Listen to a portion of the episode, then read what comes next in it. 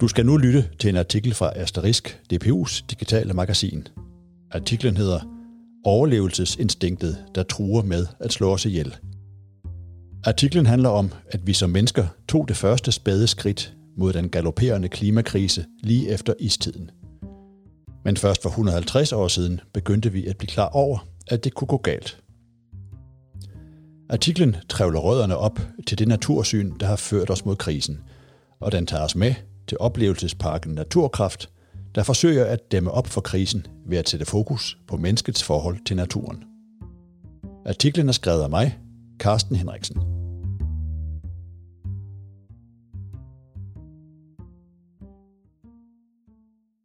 Var det første akt af en moderne, menneskeskabt syndflod, da regn i uhyrlige mængder i midten af juli fik floderne i det vestlige Tyskland til at gå over deres bredder, og da oversvømmelserne førte død og ødelæggelse med sig. Hvad enten katastrofen skyldes klimaforandringer, eller var et sjældent udslag af naturens almindelige lunefuldhed, gav det stof til eftertanke. En tysk borger fra den hårdt ramte Rheinland-Pfalz delstat satte formentlig ord på manges tanker, da han til nyhedsbyrået Reuters udtalte, det er simpelthen naturen, der slår tilbage. Vi bør begynde om sider at give den opmærksomhed. Men ifølge Sune Frølund, lektor ved DPU Aarhus Universitet, har mennesket givet naturen masser af opmærksomhed gennem tiden. Men det har været en særlig form for opmærksomhed, der har handlet om at beherske naturens kræfter og udnytte dens ressourcer. Bæredygtighedspædagogik kommer derfor ikke udenom at forholde sig til det grundlæggende spørgsmål, om mennesket fortsat skal give sig selv særstatus i forhold til naturen. Et spørgsmål, Sune Frølund selv besvarer med et ja. Han siger, det er for menneskets skyld, vi skal redde klimaet, ikke for dets egen skyld. Hvis mennesker ikke var andet og mere end natur, ville det ikke være nogen katastrofe, hvis vi uddøde som art. Naturen er ligeglad. Den skal nok klare sig, siger han. Det kan lyde som en filosofisk besvindighed, der taler uden om de reelle problemer. Men besvindighed rimer på dybsindighed, og faktisk nærmer vi os problemets kerne, når vi forsøger at blive klogere på forholdet mellem mennesker og natur, mener Sune Frølund. Det er nemlig en udbredt tankegang i dag, at klimakrisen skyldes, at mennesket har givet sig selv forrang i forhold til naturen og har fået et fremmedgjort forhold til den. Det moderne menneske bør derfor indse, at dets særstatus i forhold til naturen skal ophæves, og at der ikke er afgørende forskel på mennesker og de øvrige levende væsener. Denne tanke findes i vidt forskellige aftapninger. Den franske sociolog og filosof Bruno Latour, der er født i 1947, går så vidt som til at opløse forestillingen om mennesket som et væsen med fri vilje, der kan ændre adfærd, og naturen som noget fremmed, mennesket står overfor. Det er fiktive begreber, og reelt er der ikke engang afgørende forskelle på organisk og uorganisk natur. Hos økofilosofer som nordmanden Arne Næs, der levede fra 1912 til 2009, og hans tilhængere, er det en grundtanke, at mennesket skal begrænse sin magt over naturen. Det skal være slut med blot at betragte den som en ressource, og opfyldelsen af menneskelige behov skal ses som noget sekundært, der må underordnes hensynet til natur, miljø og klima. Men ifølge Sune Frølund er svaret på krisen ikke at opløse forskellen på menneske og natur, eller vende forholdet på hovedet. Vi skal tværtimod tage mennesket alvorligt som andet og mere end natur. Han siger, hvis vi ikke går ud fra, at der er kvalitative forskelle på mennesker og natur, så forsvinder pædagogikken. Vi siger til andre mennesker, lad være med at dræbe truede dyrearter. Men vi siger ikke til rovdyrene, lad være med at nedlægge byttedyr. Når vi overhovedet er optaget af at løse klimaproblemet, er det, fordi vi opfatter mennesket som et væsen, der blandt andet gennem pædagogik kan ændre holdning og adfærd, selvom det er svært, siger Sune Frølund.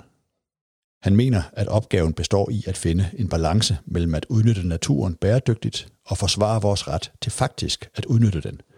Han siger, når folk siger, at det ville være bedre for naturen, hvis der ikke var mennesker på jorden, må vi insistere på, at vi også har ret til at være her. For hvad vil det sige, at det var bedre for naturen? For nogle dyre- og plantearter måske, men så havde det måske også været bedre, hvis visse bakterier og virer ikke fandtes. Nu er vi her altså, Og for mig at se handler bæredygtighedspædagogik ikke kun om at beskytte og bevare natur, men også om at forsvare menneskets ret til at overleve uden at opgive alle civilisatoriske goder. Der er en toneangivende tendens i dag til at gøre op med det, der misvisende kaldes menneskets arrogance over for naturen. Men det er ikke arrogance, det handler om, men om, at vi er i gang med at underminere naturen som vores eget livsgrundlag, siger Sune Frølund. Startskuddet til denne underminering af naturen tidsfæstes ofte til oplysningstiden og den begyndende industrialisering i 1700-tallet. Sune Frølund siger, Fra dette tidspunkt kan man registrere en kraftig stigning af CO2 og metan i atmosfæren. Den stigende menneskelige påvirkning af naturen passer sammen med den rationalistiske filosofi hos for eksempel René Descartes, der levede fra 1596 til 1650. Han grundlagde et rent mekanisk syn på naturen. Naturen blev nu set som reservoir for menneskelig udnyttelse, og Descartes formulerede det på den måde, at mennesket skal være mester og ejer af naturen. Men ifølge Sune Frølund har dette natursyn rødder endnu længere tilbage. Han siger, man kan argumentere for, at det allerede grundlægges, da de store monoteistiske verdensreligioner opstår, det vil sige jødedommen, kristendommen og islam, der alle hævder, at der kun findes én Gud. De har det til fælles, at de flytter det guddommelige ud af naturen. Naturen bliver dermed gudløs materialitet, og overfor naturen står mennesket, som Gud har skabt, som et særligt væsen, der skal herske over naturen og udnytte den til sin fordel, siger Sune Frølund. Men misæren stikker endnu dybere. Iskerneboringer i Grønland og sedimentanalyser fra havbunden viser, at CO2-indholdet i atmosfæren allerede begyndte at stige ca. 7.000 år før vores tidsregning, da jæger og samlere gav sig til at dyrke jorden. Sune Frølund siger, man brændte store skovområder af eller huggede dem ned for at kunne dyrke jorden. Omkring år 5000 før vores tidsregning begyndte også koncentrationen af metan i atmosfæren at stige, da mennesker i Kina begyndte at dyrke ris på vådmarker. Man kan så spørge, hvor i disse tidlige menneskers natursyn egentlig bestod. Det har nok helt råt handlet om at udnytte den mest muligt for at overleve her og nu, ikke andet. Alligevel er det en udbredt romantisk tanke, at før de monoteistiske religioner dyrkede mennesket forskellige former for naturreligion og behandlede naturen nænsomt, siger han. Menneskets forhold til naturen er omdrejningspunktet for Naturkraft, en oplevelsespark for naturens vilde kræfter, som der står på parkens hjemmeside. Den ligger i udkanten af Ringkøbing, og her kan man opleve naturen for fuld skrue med udsigt til fjorden og det flade vestjyske landskab. Godt hjulpet af vestenvinden skal stedet ruske op i gæsterne, og gennem leg og aha-oplevelser give dem en større bevidsthed om natur, bæredygtighed og klima. Men kan sådan en park faktisk påvirke gæsternes natursyn og få dem til at ændre adfærd, så et besøg i parken ikke blot er en sjov og hyggelig dag med familien. Det er et af de spørgsmål, som Daniel Kardyb, phd studerende ved DPU Aarhus Universitet, beskæftiger sig med i sit phd projekt om naturkraft og miljø- og bæredygtighedspædagogik i læringsmiljøer uden for det formelle uddannelsessystem. Han siger, Jeg undersøger på den ene side, hvordan stedet er blevet til, hvilke intentioner der er bygget ind i det, og hvilke interesser de forskellige aktører har, for eksempel de virksomheder og erhvervsorganisationer, som Naturkraft samarbejder med. Og på den anden side, hvad det er for et møde, de besøgende har med stedet. For i sidste ende at blive klogere på, om og hvordan et sådan sted har potentiale til at skabe opmærksomhed omkring bæredygtighed og måske også læring og forandring. De gæster, jeg har talt med, siger, at parken giver dem et blik for, at natur er andet og mere, end man normalt går og tror. Og det er i al sin enkelhed noget af det, som Naturkraft gerne vil opnå, siger Daniel Kardyb. Som de fleste oplevelsesparker har Naturkraft sine attraktioner, installationer og ting, man kan prøve. Mange af de oplevelser kunne man dog også få i en skov eller på stranden. Naturkrafts pædagogiske greb er at kondensere naturoplevelserne og forstærke dem kunstigt. En af attraktionerne er en vindmaskine. Man stiller sig foran maskinen, trykker på en knap og kan så gradvist skrue op for vindstyrken og blive blæst godt igennem. Daniel Kardyb siger, Maskinen gør det muligt i nogle sekunder under kontrollerede og tydeligvis kunstige forhold at mærke vindens kræfter. Et andet sted kan gæsterne med særlige vandkikkerter ligge på et net, der er spændt ud over et vandløb, og kigge på dyr og planter i vandet. Det er meget enkelt, men børnene kaster sig over det. Inde i udstillingsbygningen anskueliggøres naturprocesser som for eksempel fotosyntese ved hjælp af en række installationer. Og her kan man for eksempel opleve årets gang i en skov på 12 minutter, siger Daniel Kardyb. Naturkraft vil ifølge Daniel Kardyb gerne gøre en pædagogisk pointe ud af, at parkens egentlige attraktion ikke er summen af de enkelte oplevelser, den tilbyder, men helhedsoplevelsen af parken. Han siger, Parken ønsker ikke at have den ene helt særlige attraktion, der skal bære resten. Det er stedet som sådan, der skal være attraktionen, og Naturkrafts særlige pædagogiske potentiale ligger i, at den kunstige og den ægte naturoplevelse kan sætte hinanden i perspektiv på en helt anden håndgribelig måde, end naturvejlederen har mulighed for at gøre, når han har en flok børn med i skoven, siger Daniel Kardyb. Naturkrafts budskab til gæsterne er, at naturens kræfter på den ene side overskrider det, mennesket kan styre, men at disse kræfter på den anden side ikke altid er de samme, fordi mennesket gennem sine aktiviteter også influerer på dem. Daniel Kardyb siger, Naturkraft vil nuancere vores billede af, hvad natur er, og vise, at naturen indbefatter det, mennesket har gjort ved og med den. For eksempel skal deres udstilling om det vestjyske landskabs geologiske udvikling vise, at det er et kulturlandskab, hvor heden, som vi kender den, er opstået som følge af træfældning fra jernalderen og frem, siger han. Men Naturkraft ønsker ikke at blæse budskaberne om bæredygtighed ind i hovedet på sine gæster. Gæsterne skal selv drage konklusionerne. Naturkrafts pædagogiske mantra er, at de ikke vil drive stedet med løftede pegefingre, men spørgsmålet er, om det er muligt at nå i mål med budskaberne uden, siger Daniel Kardyb. Med sin modvilje mod løftede pegefinger gennemspiller Naturkraft sin egen version af det velkendte pædagogiske dilemma. Kan man lege sig til læring og omsætte sanselige oplevelser til viden og erkendelse, uden at det sprogliggøres? Eller kvæler begreber og budskaber omvendt den gode oplevelse og den selvstændige refleksion? Daniel Kardyb siger, Naturkraft er godt klar over, at hvis gæsterne skal tage bæredygtighedsbudskabet med sig og reflektere videre derhjemme – så kræver det, at naturoplevelserne bliver sat ind i en større begrebslig ramme om, hvad natur er, og hvordan vi bearbejder og bruger den. Oplevelsen kræver sproglig formidling, men hvordan og i hvilken grad det skal foregå, er ikke helt besluttet endnu. Et eksempel er dog de såkaldte ekspeditioner, en slags temaborne oplevelsesspor gennem parken, der for eksempel via apparatur som vindmålere og termometer kanaliserer de sanselige oplevelser ind i naturvidenskabelig sproglighed, siger han. Hvis man skal bevæge sig op i de spekulative luftlag, består naturkrafts særlige pædagogiske potentiale i, at stadig lære sine gæster at forholde sig til naturen på en ny måde. Daniel Cardyb henviser til den britiske antropolog Tim Ingalls skælden mellem intentional og attentional omgang med verden, eller på dansk, intentionel og attentionel omgang med verden. Tim Ingolds feltstudier blandt samiske folk i den finske del af Lapland viste, at disse folks naturforhold bygger på attention, attention, det vil sige en slags opmærksomhed eller agtpågivenhed, der ikke er styret af bestemte formål. Heroverfor står den traditionelle vestlige naturopfattelse, der med rødder i Descartes filosofi bygger på intention. Vi betragter naturen som et objekt, vi skal bemestre og udnytte til vores fordel, hvorved vi distancerer os fra den. Omsat til pædagogik indebærer Ingalls skælden, at vores møde med naturen bør handle mere om at rette opmærksomheden mod, hvad naturen er i sig selv, og mindre om, hvordan den kan gøres til genstand for menneskelig intention. Daniel Cardyb siger, Attention er den tilgang til naturen, børn mere eller mindre selvfølgeligt anlægger. At gå en tur med et barn kan være en umulig opgave, hvis man skal et sted hen til et bestemt tidspunkt – men det kan også være berigende, hvis man er med på at bukke sig ned og kigge på myren.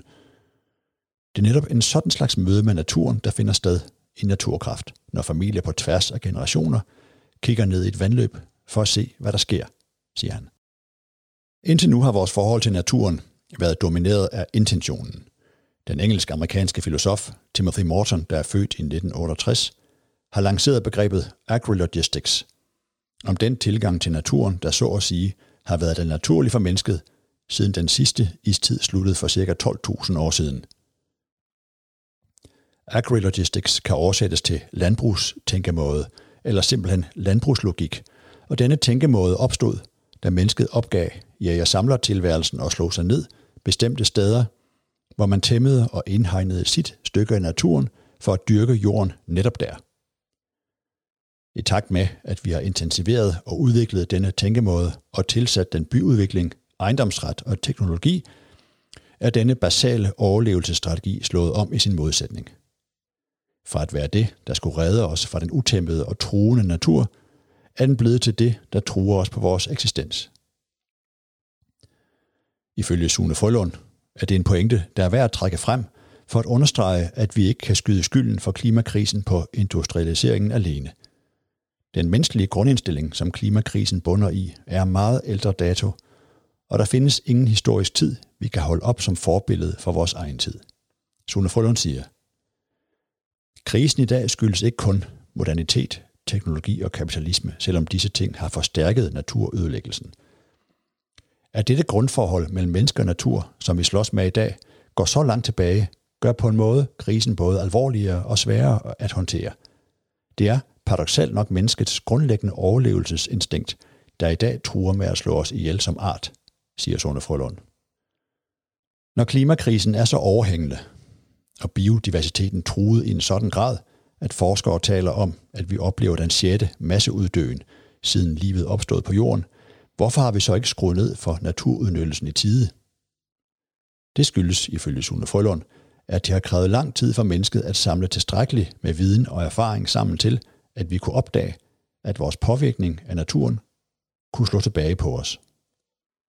Han siger, mennesket har længe tænkt, at naturen er så stor og mægtig, at det ikke kan have nogen betydning, hvad vi gør med den. Det var først med den amerikanske diplomat George Perkins Mars' bog fra 1864, Man and Nature, at man blev opmærksom på, at det kunne være et problem. Mars havde på sine rejser i Tyrkiet og Italien konstateret, at nogle landskaber i Middelhavsområdet var varigt ødelagte og udpinte, og at det vel at mærke var menneskelig aktivitet i form af skovafbrænding og overdyrkning af jorden, der havde forårsaget det, siger Sune Frølund. Mars var den første til at konstatere, at menneskelig aktivitet kunne have irreversible følger. Altså, at vi kan påvirke miljøet så meget, at det ikke kan genoprettes. I 1896 blev omfanget af den globale opvarmning for første gang sat på tal. Den svenske fysiker og kemiker Svante Arrhenius beregnede uden hjælp af computer, hvor varmt der ville blive på jorden ved fortsat afbrænding af kul. Det resultat, han nåede frem til, stemmer nogenlunde overens med de faktiske temperaturstigninger. Sune Frølund siger, Vores viden om, at menneskelig aktivitet kan ødelægge natur varigt, er altså kun ca. 150 år gammel. Indtil da rådede den opfattelse, at Gud havde skabt naturen og indrettet den så visligt, at den kunne absorbere alle menneskelige påvirkninger af den. Man kan sige, at det er her mod slutningen af 1800-tallet, at den økologiske bevidsthed opstår, om end det stadig mest var teoretiske spekulationer hos de få om mulige kommende problemer, siger Sune Frølund. Også vores forhold til teknologi kommer på prøve, hvis vi holder fast i, at vi som mennesker har ret til fortsat at udnytte naturen, mener Sune Frølund. Især når det skal ske bæredygtigt. Vi kan ikke forlade os på, at teknologien redder os. Men ansigt til ansigt med klimakrisens omfang ville det være forkert at afvise de muligheder, den tilbyder. Sune Frølund siger, vi må være villige til at acceptere, at for eksempel genmodificerede fødevarer kan være et svar. At være imod det og sige, at vi ikke skal manipulere med naturen, kan vise sig at være et luksussynspunkt, som vi ikke har råd til. De kornsorter, vi bruger i dag, er jo også forædlede, men det er sket langsomt over mange år. I dag vil man være nødt til at gøre det hurtigere, og dermed bliver det også farligere. Men for mig at se, må det handle mere om konkrete risikovurderinger, end om, at vi overskrider en etisk grænse, siger Sune Frølund. Tilsvarende med de mere eller mindre vilde bud på teknologiske løsninger på klimakrisen med såkaldt geoengineering. Sune Frølund siger, et af disse bud går ud på at skyde kalkpartikler ud i stratosfæren for at svække sollyset og dermed reducere den globale opvarmning. Det måtte virkelig undersøges grundigt, før man kastede sig ud i det. Men det understreger, at konfronteret med de massive klimaproblemer, ligger der en pædagogisk opgave i at opbygge et mindre moralistisk og mere realistisk syn på teknologiens potentialer, siger han. Andre mener dog, at naturvidenskab og teknologi ikke kan være løsningen på en krise, mennesket selv har skabt, netop ved hjælp og gennem naturvidenskab og teknologi. Daniel Cardyb peger som et eksempel på den amerikanske professor i bevidsthedshistorie, Donna Haraway, der er født i 1944, og hendes bog Staying with the Trouble fra 2016. Her er den en pointe, at den økologiske krise, vi befinder os i, er vokset ud af de måder, hvorpå vi med teknologisk udvikling har forsøgt at løse tidligere problemer i menneskets historie. Det er altså selve vores handlingsivrige og fremskridtsorienterede tilgang til verden, der er problemet. Med Tim Ingolds ord kunne man sige, at den er alt for intentionel. Men kan vi løse klimakrisen ved, at vi lærer at forholde os mere attentionelt og mindre intentionelt til naturen? At vi lærer at være i verden på en grundlæggende ny måde, en helt anderledes måde – og kan et sted som naturkraft lære os det, eller tilbyder det blot feel-good-oplevelser for familien uden at sætte varige spor i sine gæster. Det er en diskussion, som Daniel Kardyb forfølger i sit phd projekt For spørgsmålet er, om vi har tid til sådanne former for pædagogik, når vi nærmer os the tipping point, og når vi skal reducere CO2-udslippet med 70% inden 2030. Daniel Kardyb siger, det er det dilemma, som miljø- og bæredygtighedspædagogikken står i lige nu. Man kan hævde, at det ikke er en uddannelsesopgave at løse klimaproblemerne, men at modne folk til at turde se, tænke og handle anderledes. Her kan et sted som naturkraft have sin berettigelse. Vi må skelne mellem, hvad der er henholdsvis en pædagogisk og en politisk eller teknologisk opgave i denne sammenhæng, slutter Daniel Kardyb. Du har lyttet til artiklen overlevelsesinstinktet, der truer med at slå os ihjel. Jeg hedder Carsten Henriksen. Tak fordi du lyttede med.